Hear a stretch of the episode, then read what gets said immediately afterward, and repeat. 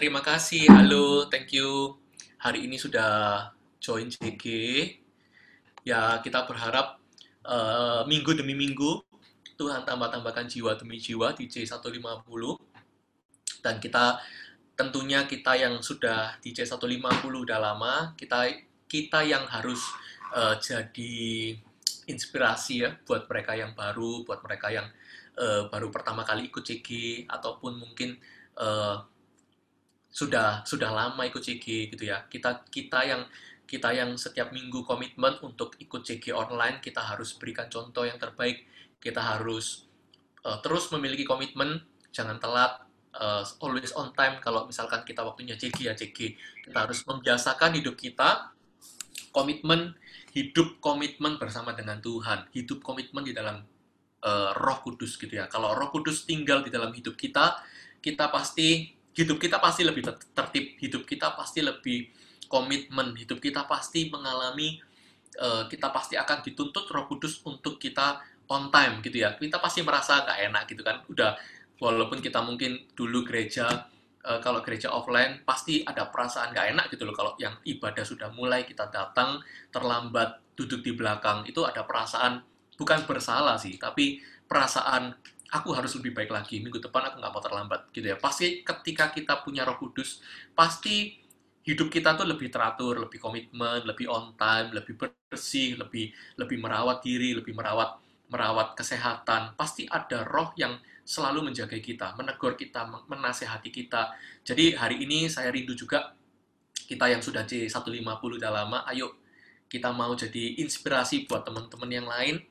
Kita mau hidup kita jadi berkat, bisa jadi contoh buat mereka. Gitu ya. Jadi minggu depan, ayo lebih lagi lebih lebih on time supaya kita CG-nya nggak nggak nggak molor-molor amat gitu ya.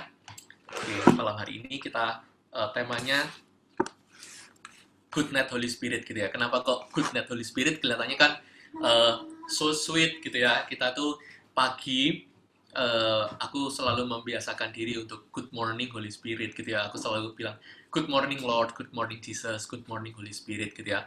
Mungkin uh, ada yang pernah tahu uh, kita hari ini diskusi aja, diskusi santai gitu ya.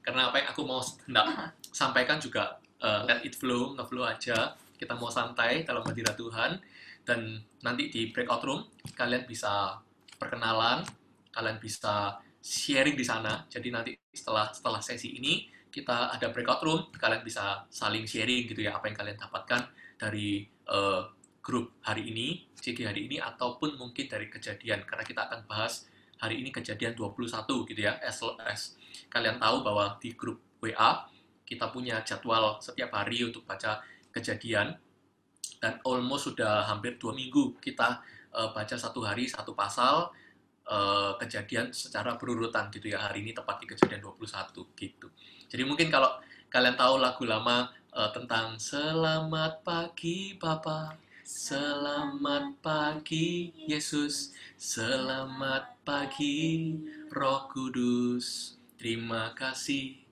buat anugerahmu semalam telah berlalu. Hari ini kita malam-malam kita mau so ke Roh Kudus. Kita mau kita mau say Selamat malam Yesus. So, kalau kebalik malam Papa. Selamat malam Roh Kudus. Terima kasih atas anugerahmu.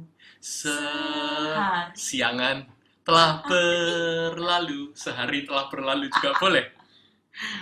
Ku bersyukur, ku memuji, ku muliakan namamu. Allah Bapa, Allah Putra Roh Kudus. Terima kasih. Kita mau say good night ke Roh Kudus malam hari ini ya. Aku rindu semuanya bisa mendapatkan pengenalan uh, akan Roh Kudus bahwa uh, Roh Kudus itu bukanlah sebuah sebuah hanya sebuah kuasa gitu, bukan hanyalah sebuah sebuah uh, mengalir urapan, bukan hanya urapan saja yang dia punya, tapi Roh Kudus itu adalah seperti Tuhan Yesus. Dia ada di dalam uh, rohnya Tuhan Yesus ketika uh, Tuhan Yesus ada di muka bumi.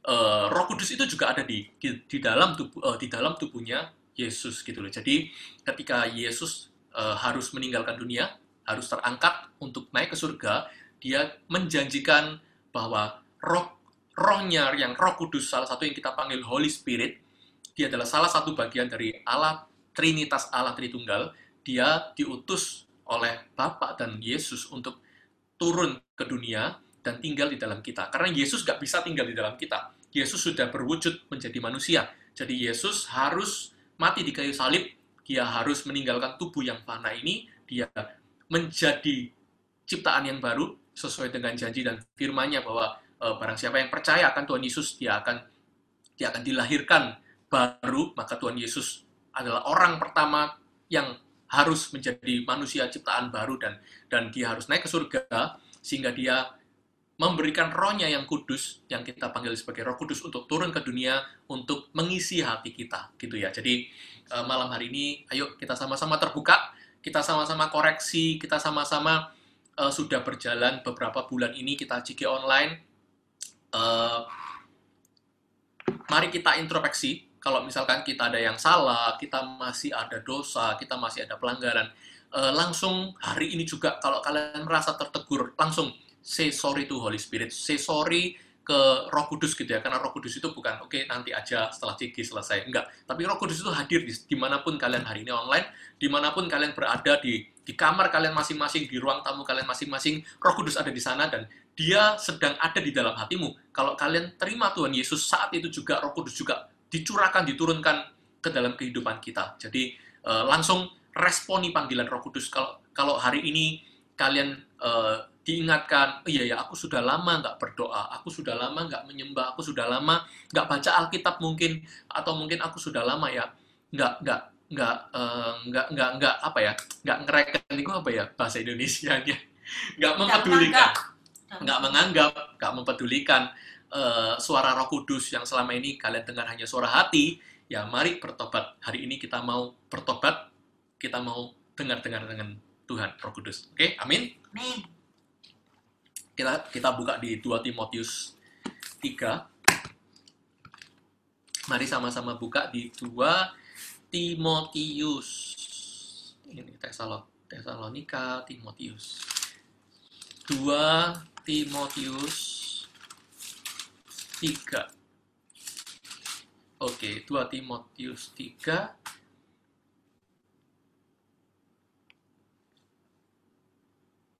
ayat ayat ke-14 ya.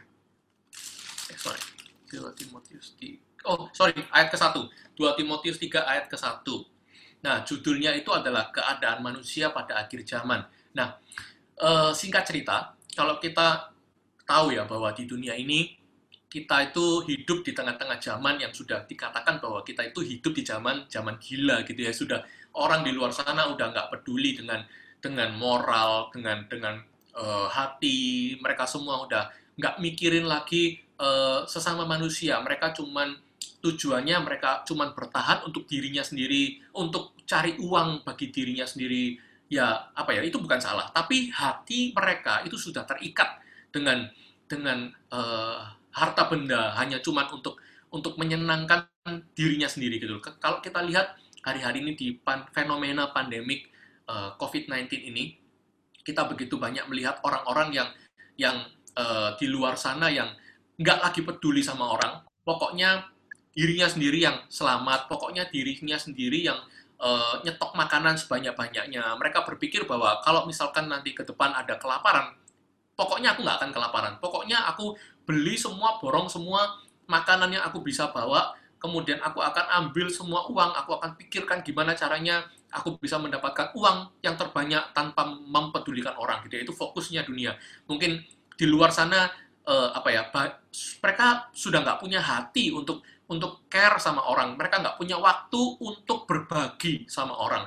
Makanya hari-hari ini Pastor Philip juga juga mengingatkan kita untuk uh, bless a friend gitu ya. Bukan hanya kita itu diajari ayo kal apa ya singkat kata-kata kasarnya itu kita tuh sudah terlalu uh, mem memikirkan diri kita sendiri. Ayo, bless a friend. Ayo, pikirkan orang lain. Di luar sana tuh masih banyak orang-orang yang anak-anak Tuhan bahkan uh, yang perlu bantuan kita, yang perlu perhatian kita bukan hanya tentang tentang kita kasih uang, kita kasih apa, kita kasih makanan atau atau mungkin dari hal yang terkecil pun bisa kita kita lakukan.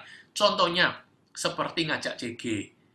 Aku percaya bahwa ngajak CG itu bukan karena kita itu uh, mau tampil gimana atau mungkin kita nggak mau kita mau dipuji sama orang enggak tapi ketika kita ngajak orang miliki sikap hati yang tulus. Miliki sikap hati bahwa aku mau ngajak orang supaya orang itu ngalami Tuhan, hidupnya diubahkan dari kehidupan lama menjadi kehidupan yang kenal Tuhan, yang penuh kasih, yang penuh dengan belas kasihan seperti Kristus, yang hidupnya akan menjangkau banyak jiwa lagi di luar sana. Jadi tujuan kita untuk kita tuh ngajak orang ke dalam CG, bukan supaya CG ini kita penuh, karena nggak mungkin CG ini kalau sudah penuh ya kita akan membelah gitu kan, tapi nggak akan pernah penuh. Kalau sebanyak kalian bisa bawa jiwa, justru uh, banyak mak makin banyak CG yang yang akan yang akan kita buka gitu kan. Jadi makin makin akan kita siap untuk menerima tuayan jiwa-jiwa gitu loh. Jadi hati kita itu harus benar dulu kita ajak jiwa kita belajar untuk ngajak temen kita ngajak ngajak orang kenalan kita bukan karena kita itu mau mengkristenisasi atau mungkin mau mau memenuhi uh, eh, GMS gitu ya hari-hari ini kalau online apa sih yang mau dipenuhi kita juga nggak datang ke gereja kita juga juga eh, nggak uh, show up ke ke pemimpin atau ke pastor gitu ya. Tapi kita cuma kumpul di Zoom yang which is nggak ada orang tahu di luar sana, nggak ada pemimpin yang tahu juga kita kita komitmen Zoom atau nggak, nggak ada orang lain yang yang yang juga apa ya juga uh, tepuk tangan ke kalian. Oh, halo, hari ini kalian bawa 10 orang teman gitu ya. Enggak gitu loh. Kita kita juga sama-sama dari dari orang-orang yang kita nggak kenal satu sama lain. Lalu kita punya uh, kita punya visi yang sama bahwa kita rindu untuk kita jadi berkat. Kita rindu untuk kita itu nggak mau seperti apa yang orang luar sana lakukan. Kita adalah anak-anak Tuhan. Kita nggak mau hidup di akhir zaman ini seperti mereka. Kita mau punya kumpulan sendiri. Kalau orang di luar sana mereka punya geng, mereka punya klub. Kita juga punya klub. Kita anak-anak Tuhan juga nggak boleh kalah. Kita makanya itu terbentuklah CG gitu. Kita terbentuklah C150 di mana isi dari C150 adalah orang-orang yang punya visi yang sama bahwa aku mau hidupku memberkati banyak orang melalui wadah yang dinamakan Connect Group ini. Jadi, ayo kita lihat, mari kita lihat gimana sih keadaan di luar sana dan kenapa kok kita butuh CG? Kenapa kok kita mau tertanam di sebuah Connect Group? Kenapa kok kita mau tertanam di sebuah gereja? Karena keadaan di luar sana dikatakan di sini eh, perikopnya keadaan manusia pada akhir zaman. Seperti itu aja, perikop satu ini aja sudah bisa membandingkan bahwa anak-anak Tuhan dengan kehidupan orang dunia di luar sana itu berbeda.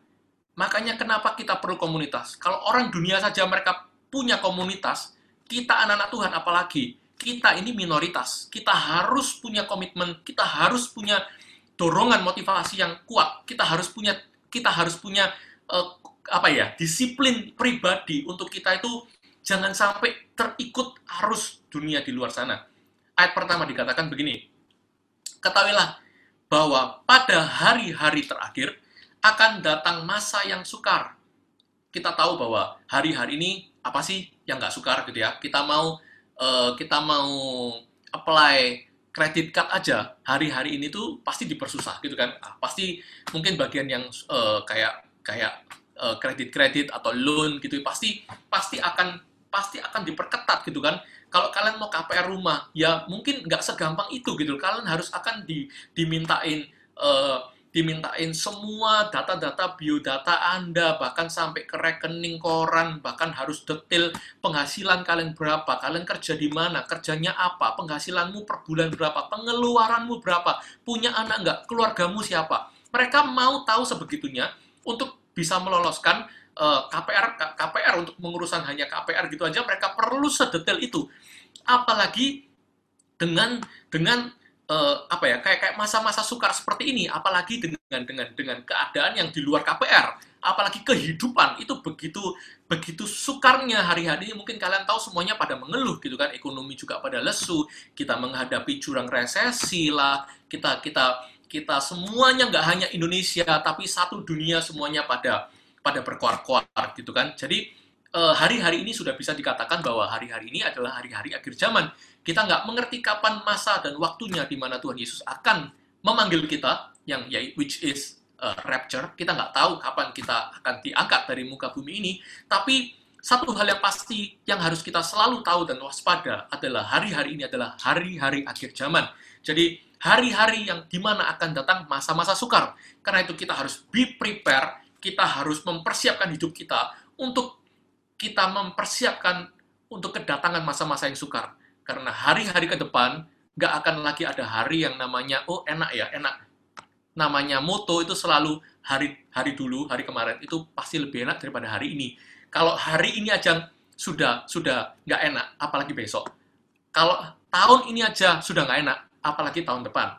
Pasti semuanya akan lebih susah. Karena itu kenapa kita perlu komunitas, karena itu kenapa kita perlu tertanam di dalam sebuah gereja, di dalam sebuah connect group, supaya kita bisa saling satu dengan yang lain itu saling menguatkan. Kita bisa saling mengangkat, kita bisa saling saling memotivasi di dalam sebuah CG, kita bisa kita bisa um, berbagi berkat, kita bisa saling saling mendoakan. Doa itu juga juga salah satu berkat. Kalau nggak ada orang yang mendoakan, itu pasti akan beda gitu loh. Dengan kita itu tertanam di sebuah komunitas di mana semua teman-teman kita itu saling mendoakan. Kehidupan kita itu pasti akan ada bedanya dengan orang-orang yang nggak punya komunitas yang nggak sama sekali nggak punya nggak punya kebiasaan untuk saling mendoakan. Pasti akan berbeda. Karena itu kita harus bersyukur kalau kalian semuanya bisa punya komitmen tertanam di C150, aku percaya itu bukan karena dorongan kita sendiri. Itu karena ada roh kudus yang mengingatkan kita, roh kudus yang mendorong kalian, ayo jamnya CG loh, ini sudah jam 6.55, 6.56, 6.57, iya Tuhan, iya Tuhan, aku perlu cepat buka uh, buka Zoom, aku harus cepat-cepat masuk gitu ya. Pasti ada perasaan di mana aku perlu, aku perlu, tapi daging ini sering kali tuh ngantuk, sering kali lapar, apalagi jam 7, mungkin sebanyak pasti di atas 50% jam 7 itu jam setelah makan malam, bukan? Nah, setelah makan malam itu biasanya pasti karbohidrat mulai naik gitu ya, mulai mulai uh, nutrisi itu mulai masuk ke otak, masuk ke mata dan dan dan ke ke ke, ke, ke otak kita mulai mulai uh, ya ya gitu. Jadi jadi ayo bangun. Jadi kita harus semangat. Kita harus punya komitmen di dalam di dalam masa-masa sukar yang akan datang ini kita perlu sekali untuk disiplin, kita perlu sekali untuk kita tertanam di sebuah CG. Jadi ini adalah alasan hari ini semoga kalian uh, disadarkan kembali, kalian diingatkan kembali betapa pentingnya sebuah komunitas. Itu bukan buat aku, bukan, tapi buat kita sendiri semuanya. Buat setiap kita itu pasti Tuhan tuh pasti akan take care setiap kita kalau kita tuh mau tertanam. Amin. Oke, itu baru ayat pertama, guys. Gitu. Jadi ayat kedua. Kita lanjut ayat kedua. Dikatakan manusia akan mencintai dirinya sendiri.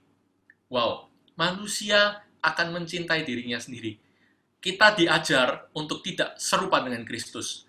Jangan kita mencintai diri sendiri, guys. Kita harus belajar, apalagi di hari-hari ini, uh, Pastor Philip terus bilang kan, ayo bless a friend, bless a friend. Bukan hanya mungkin uh, bless a friend, tapi ayo masuk ke dalam sebuah pelayanan yang lebih lagi.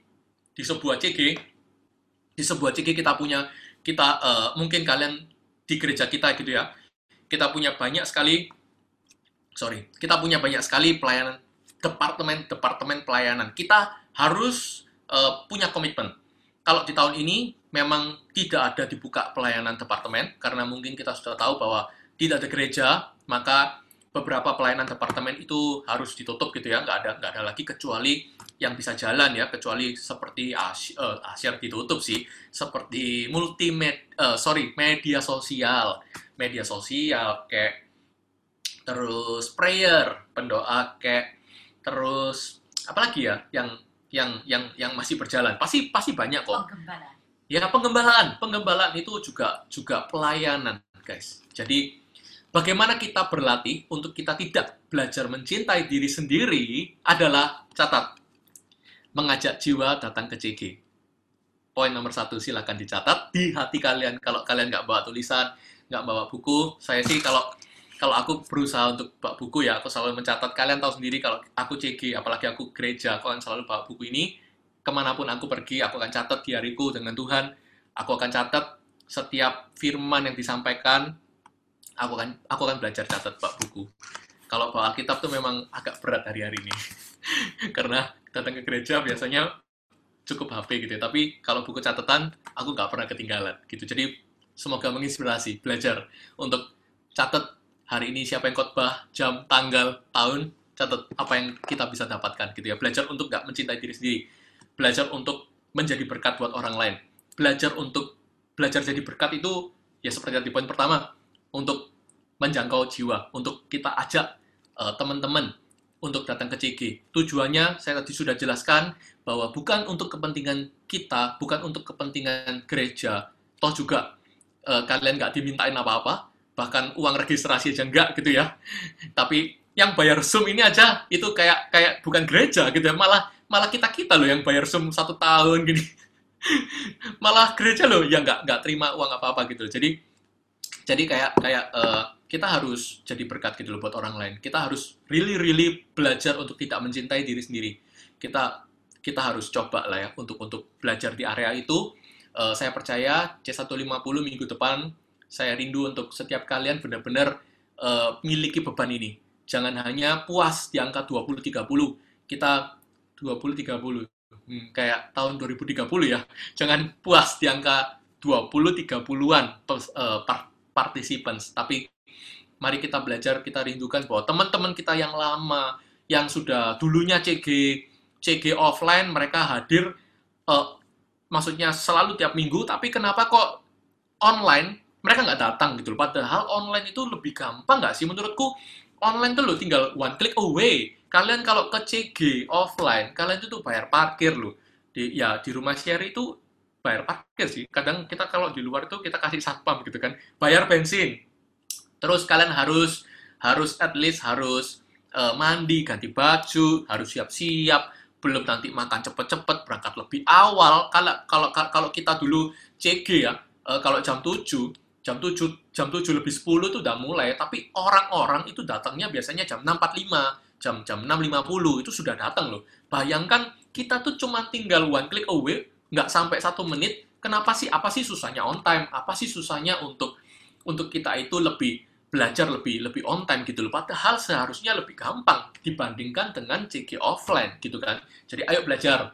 Hari ini kalau kita ditegur bukan saya itu menegur kalian tapi Roh Kudus mengingatkan. Itu untuk kebaikan kalian sendiri. Belajar on time, belajar belajar untuk nggak hanya kita yang terima berkat, tapi ajak orang lain yang membutuhkan berkat. Siapa tahu dari ketika kita ngajak orang, eh orang itu diberkati hidupnya, diubahkan hidupnya. Mereka terinspirasi, terjamah Tuhan dari CG ini. Kita sudah sudah memberkati orang itu secara tidak langsung. Padahal cuma ngajak dia ke CG, ngajak dia untuk, ayo punya komunitas. Aku punya komunitas di mana Tuhan ada. Kamu mau nggak kita sesama anak-anak Tuhan nih? Kamu kamu kamu pasti butuh Tuhan kan? Nggak bisa berjalan sendirian kan hari-hari ini. Aku aku uh, kasih uh, satu wadah CG. Kamu bisa gabung di sana. Kalau nggak cocok nggak apa-apa. Pokoknya sekali-sekali ikut. Siapa tahu di sana Tuhan jamah hatinya, hidupnya diubahkan. Amin. Lanjut dan menjadi hamba uang. Hamba uang, ya. Ini berbicara tentang jangan hari-hari ini uh, aku tahu bahwa kehidupan di luar sana sudah nggak new normal lagi, sudah pekerjaan itu sudah normal. Ya, semua yang mungkin pekerjaannya sudah normal angkat tangan. Saya pasti percaya bahwa hampir semuanya yang bekerja itu sudah sudah hidupnya sudah kembali ke kehidupan pekerjaan normal gitu ya, bukan lagi new normal. Tadi siang aku sempat ke uh, salah satu bank bank uh, di dekat rumah untuk ngurus buku, cetak buku gitu ya, itu antrinya bisa satu jam, full. Kayak, wow, ini ini bener-bener bukan new normal lagi sih, udah orang semua orang udah udah rame, CS-nya tuh sampai kewalahan, terus udah nggak ada lagi jarak-jarakan, aduh aku sampai berpikir mati, aku kayak kayak uh, salah salah masuk di bank cabang ini rasanya. Tapi gimana lagi, karena bukuku dari eh, dari dari cabang itu nggak bisa di cabang lain jadi aku terpaksa di situ kan. Tapi orang-orang sudah nggak lagi masuk di era new normal. Mereka semua udah normal. Mereka semua udah mulai mikir gimana caranya mengembalikan apa yang sudah hilang yaitu uang mereka gitu kan. Mereka harus bekerja mereka harus pikirin cara untuk gimana caranya eh, bulan-bulan yang lalu aku nggak bekerja bisa kembali dalam sekejap. Gimana caranya? Nah sering kali kita itu terjebak di di di di di, s- di golongan atau wilayah keuangan itu loh harta itu loh yang memang sih kita hidup itu perlu uang. Siapa sih yang hidup nggak perlu uang? Tapi kita anak-anak Tuhan kita diingatkan bahwa hidup ini tujuannya itu bukan ngumpulin uang tapi tujuannya itu adalah mengenal dia lebih daripada kita mengenal uang. Jadi jangan sampai kita tuh salah prioritas. Jangan sampai kita itu eh, hidup hanya untuk mengumpulkan uang. Kita akan benar-benar miss the moment. Kita akan benar-benar miss the blessing. Kita akan benar-benar nggak mata kita itu uh, dibutakan gitu loh. Tahu ya uh, Tuhan Yesus itu bilang ke bangsa Israel kalau uh, aku itu membuat mujizat di depan matamu tapi yang kamu cari itu cuma makanan makanan makanan jasmani. Mereka itu nyari Yesus bukan karena mujizatnya. Iya sih ada yang sakit cari mujizat tapi setelah sembuh sembilan dari antara sepuluh orang itu nggak kembali berterima kasih mereka itu mengikuti Yesus karena mereka itu tahu bahwa kalau ikut Yesus pasti dikasih makan, pasti kenyang, pulang itu kenyang. Kalian berapa kali Tuhan Yesus itu memecah-mecahkan roti, membagi-bagikan roti sampai mereka semua kenyang, lalu mereka semuanya pulang dan tidak ada satupun dari mereka yang menjadi murid Yesus. Bayangkan 5.000 orang, 4.000 orang di kloter keduanya, tidak ada satupun di antara mereka yang cari Tuhan, Tuhan aku mau menjadi muridmu, aku mau, aku melihat Tuhan yang hidup, aku mau menyerahkan hidupku, tidak ada satupun. Bahkan ketika ada satu orang muda yang datang ke Tuhan Yesus, Tuhan, hidupku sudah baik, apalagi yang harus aku kerjakan? Bahkan sampai sebegitunya kita ini, manusia ini, begitunya terbutakan oleh harta. Mereka kira, mereka pikir dengan se- mereka punya segala harta benda, apa yang mereka punya itu mereka sudah punyai, maka mereka bisa katakan hidupku sudah benar, hidupku sudah sudah baik Tuhan, apalagi yang harus aku kerjakan sampai menantang Tuhan dengan harta loh. Sampai sebegitunya mereka manusia itu benar-benar pegang eh, buku tabungan mana? Eh, ini, ini, ini. Mereka tuh bukan pegang bukan pegang ini, tapi pegang ini guys kalau aku benar-benar bukuku ini makin tebal, Lord, Nggak bisa makin tebal. iya nggak bisa makin tebal, Eh, makin banyak bukunya, makin makin banyak cetakan bukunya gitu ya. Lord, hidupku sudah diberkati, mau apa lagi? Sampai sebegitunya loh. Sampai Tuhan, hidupku ini sudah baik loh. Aku nggak masuk surga, tak? Aku punya segala berkat aku kejar habis-habisan, aku mati-matian masa mudaku, aku cari klien, cari distributor, aku jualan apa yang aku bisa. Tujuannya apa? Bukan untuk menghidupi Alkitab, tapi tujuannya untuk memenuhi buku tabungan. Nah, itu dia. Jadi hari ini kita diingatkan lagi, jangan kejar uang guys. Jangan kejar buku biru, tapi kejarlah Alkitab. Baca Alkitab, maka kita akan tahu bahwa selama ini kita itu sudah dibutakan oleh uang. Selama ini kita sudah dibutakan dengan fokus visi-visinya eh, tahun depan punya rumah, punya rumah, punya rumah, tahun depan mobil baru, mobil baru, mobil baru, tahun depan bigger house, bigger house, bigger house, tahun tahun depan lagi hmm, add many many more eh, kayak kayak expensive car gitu ya. Kalau bisa eh, Punya yachts. punya punya iya punya kolam renang punya sudah cukup satu kolam renang minta sauna jacuzzi sudah punya semuanya meminta minta tambah rumah villa minta tambah airplane. nah minta minta Jet.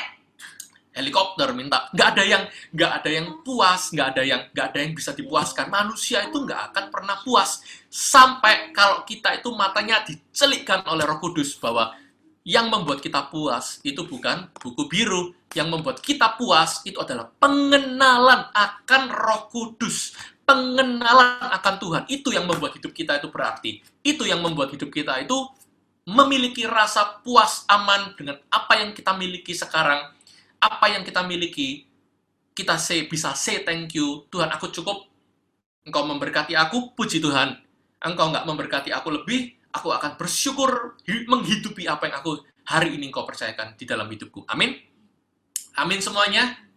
Jadi mari hari ini kita dibukakan lagi, dicelikkan lagi, bahwa jangan kejar buku biru, saya simpan buku saya, tapi kita harus kejar pengenalan melalui The Living Bible. Oke? Kita lanjut. Uh, mereka akan membual dan menyombongkan diri. Mereka akan menjadi pemfitnah. Mereka akan berontak terhadap orang tua dan tidak tahu berterima kasih. Tidak mempedulikan agama. Ini yang harus kita kita harus belajar benar. Jangan sampai kita ikut arus dunia. Kelihatannya kita Kristen. Kelihatannya kita anak Tuhan tapi kita tetap tetap secara tidak sadar kita menjadi orang yang sombong, kita menjadi seorang pemfitnah, kita memberontak ke orang tua, kita nggak tahu berterima kasih, kita juga nggak peduli sama agama. Hari-hari ini, mungkin kalau kalian tahu, banyak orang di luar sana yang mempertanyakan Tuhan. Kalian tahu bahwa semua ideologi-ideologi, semua semua uh, apa ya Eh, pengetahuan-pengetahuan mereka berusaha untuk untuk eh, nggak uh, percaya kepada Alkitab. Mereka semuanya penuh dengan pertanyaan-pertanyaan mengenai Alkitab. Mereka mempertanyakan kebenaran. Jangan sampai kita uh, terjerumus di area ini. Iman itu sederhana kok. Kalau prinsip saya, saya nggak perlu tahu semua profesor mana pun yang bisa mengupas tuntas the Bible semua penelitian-penelitian yang sudah pernah dilakukan untuk membuktikan bahwa Alkitab itu benar, saya nggak perlu semua itu, karena hari ini kita belajar, besok kita akan lupa kok. Kita kita itu manusia yang dikatakan Alkitab, kita itu seperti hewan yang dungu. Kita itu manusia, itu hewan yang dungu yang berada di dekat Yesus. Kita itu kita itu hewan yang dungu. Kita tuh dikasih pengertian sebagaimanapun kita tuh tidak akan bisa mengerti kok apa yang Alkitab ini katakan. Jadi iman itu sebetulnya bukan mengenai pengetahuan, tapi iman itu sederhana. Cukup percaya saja apa yang Tuhan katakan. Cukup percaya saja apa yang tertulis di dalam Alkitab tanpa mempertanyakan. Kita tahu bahwa iman itu adalah sesuatu yang tidak kelihatan, namun kita percaya. Iman itu adalah sesuatu yang tertulis di Alkitab, tapi kita percaya penuh. Itulah iman.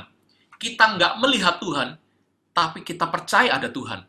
Kita nggak kenal dengan Tuhan Yesus, tapi kita mengikuti Tuhan Yesus. Betapa anehnya iman, bukan? Kita hari ini berkumpul di CG, itu kita nggak kenal loh siapa di antara kalian yang pernah melihat Yesus. Angkat tangan dah. Tapi kenapa kok kalian percaya, kenapa kok kalian e, mengikuti dan memilih untuk menjadi murid Yesus, kalian percaya bahwa Tuhan Yesus itu Tuhan, kalau bukan Petrus ini. Petrus juga sempat bertanya seperti itu. Tapi uh, sempat ngomong juga, engkau lah Mesias. Tuhan Tuhan Yesus katakan apa? Listen. Tuhan Yesus katakan, uh, yang ngomong itu bukan kamu, Petrus, tapi Allah Bapa yang sudah memberitahukan itu melalui kamu. Jadi kalau hari ini kita punya iman untuk bisa mengucapkan siapa Tuhan Yesus dan kalian menjawab Tuhan Yesus itu adalah Tuhanku, Mesias, dia adalah penyelamat hidupku, itu bukan dari kalian. Itu berasal dari Allah Bapa. Berarti Allah Bapa itu tinggal di dalam kehidupan kalian. Berarti Roh Kudus itu nyata di dalam setiap kehidupan kalian. So hari ini kalau kalian masih belum bisa berbahasa roh, contohnya, percayalah bahwa Roh Kudus itu tinggal di dalam kehidupan kalian. Itu DP yang sudah terjamin 100% bahwa kalian pasti bisa. Kalian pasti dapat bahasa roh. Kalian pasti dapat penyertaan roh kudus. Kalian pasti dapat bimbingan roh kudus. Banyak dari kita tuh nggak nggak bisa ngom, uh, bisanya ngomong aku nggak pernah dengar suara Tuhan, nggak pernah dengar suara tuntunan Tuhan. Tapi kalau suara setan, saya sering dengar gitu kan. Aneh kan? Padahal kita anak-anak Tuhan. Tapi kenapa kok kita malah dengar suara setan? Tapi justru karena kita bisa mengakui Tuhan Yesus adalah Raja, berarti Roh Kudus itu tinggal dalam kehidupan kita. Justru karena Roh Kudus itu tinggal dalam kehidupan kita, justru kita itu harusnya lebih peka dengan suara Roh Kudus dibanding dengan suara setan, gitu loh guys. Jadi uh, please be clear, jangan sampai kita tuh kebalik-balik gitu ya. Kita mungkin kita tuh dengar-dengar suara setan karena kita sering mendengar perkataan-perkataan orang yang negatif. Jadi itu terus teriak-iak-iak karena uh, jiwa kita tuh gampang gundah gulana. Jadi kita harus menjaga jiwa kita supaya uh, apa yang kita dengar itu harus disaring. Jangan sampai kita mendengar semua perkataan orang tentang semua uh, gosip di luar sana sehingga akhirnya membuat jiwa kita itu nggak tenang gitu ya. Jadi apa pun yang kita dengar kita harus saring. Karena itu kembali lagi CG itu adalah tempat di mana kita bisa mendengarkan firman Tuhan. Amin. Ye. Oke, uh, kita buka di 1 Yohanes 2 1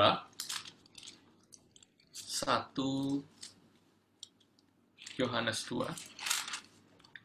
ayat 15 dan 17. Nah, ini 1 Yohanes 2, 15, 17. Janganlah kamu mengasihi dunia dan apa yang ada di dalamnya.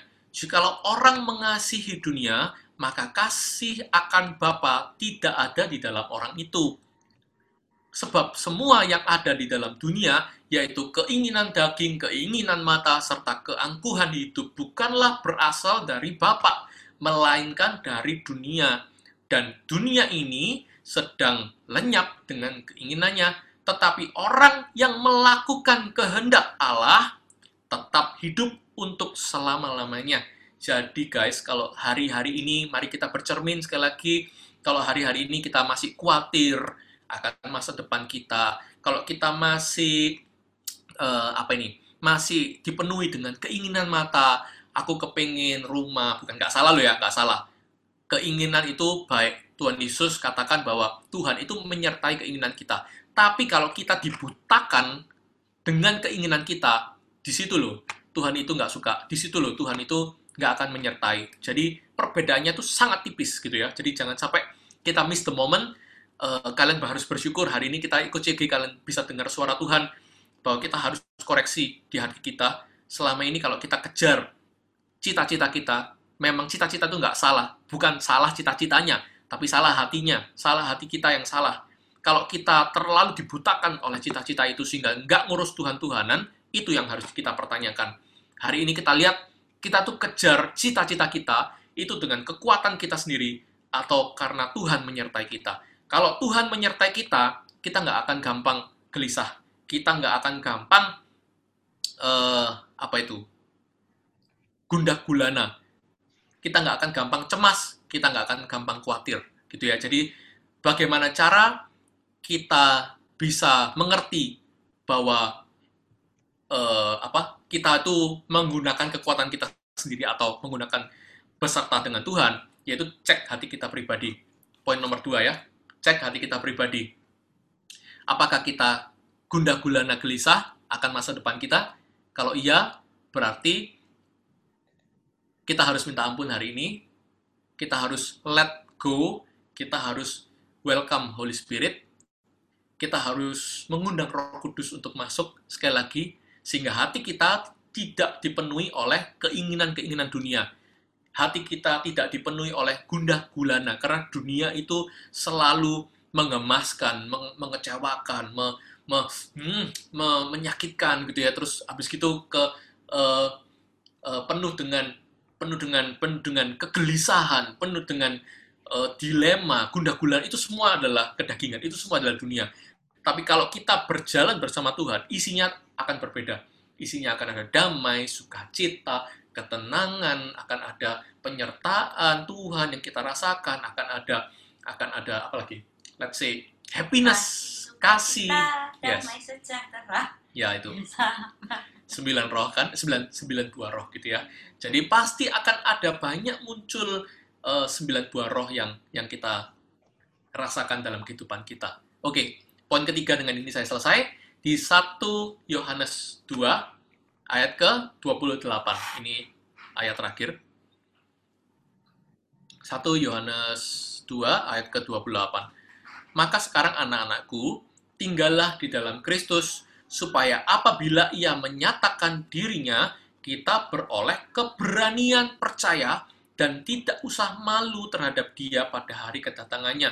Jikalau kamu tahu bahwa ia adalah benar, kamu harus tahu juga bahwa setiap orang yang berbuat kebenaran lahir daripadanya.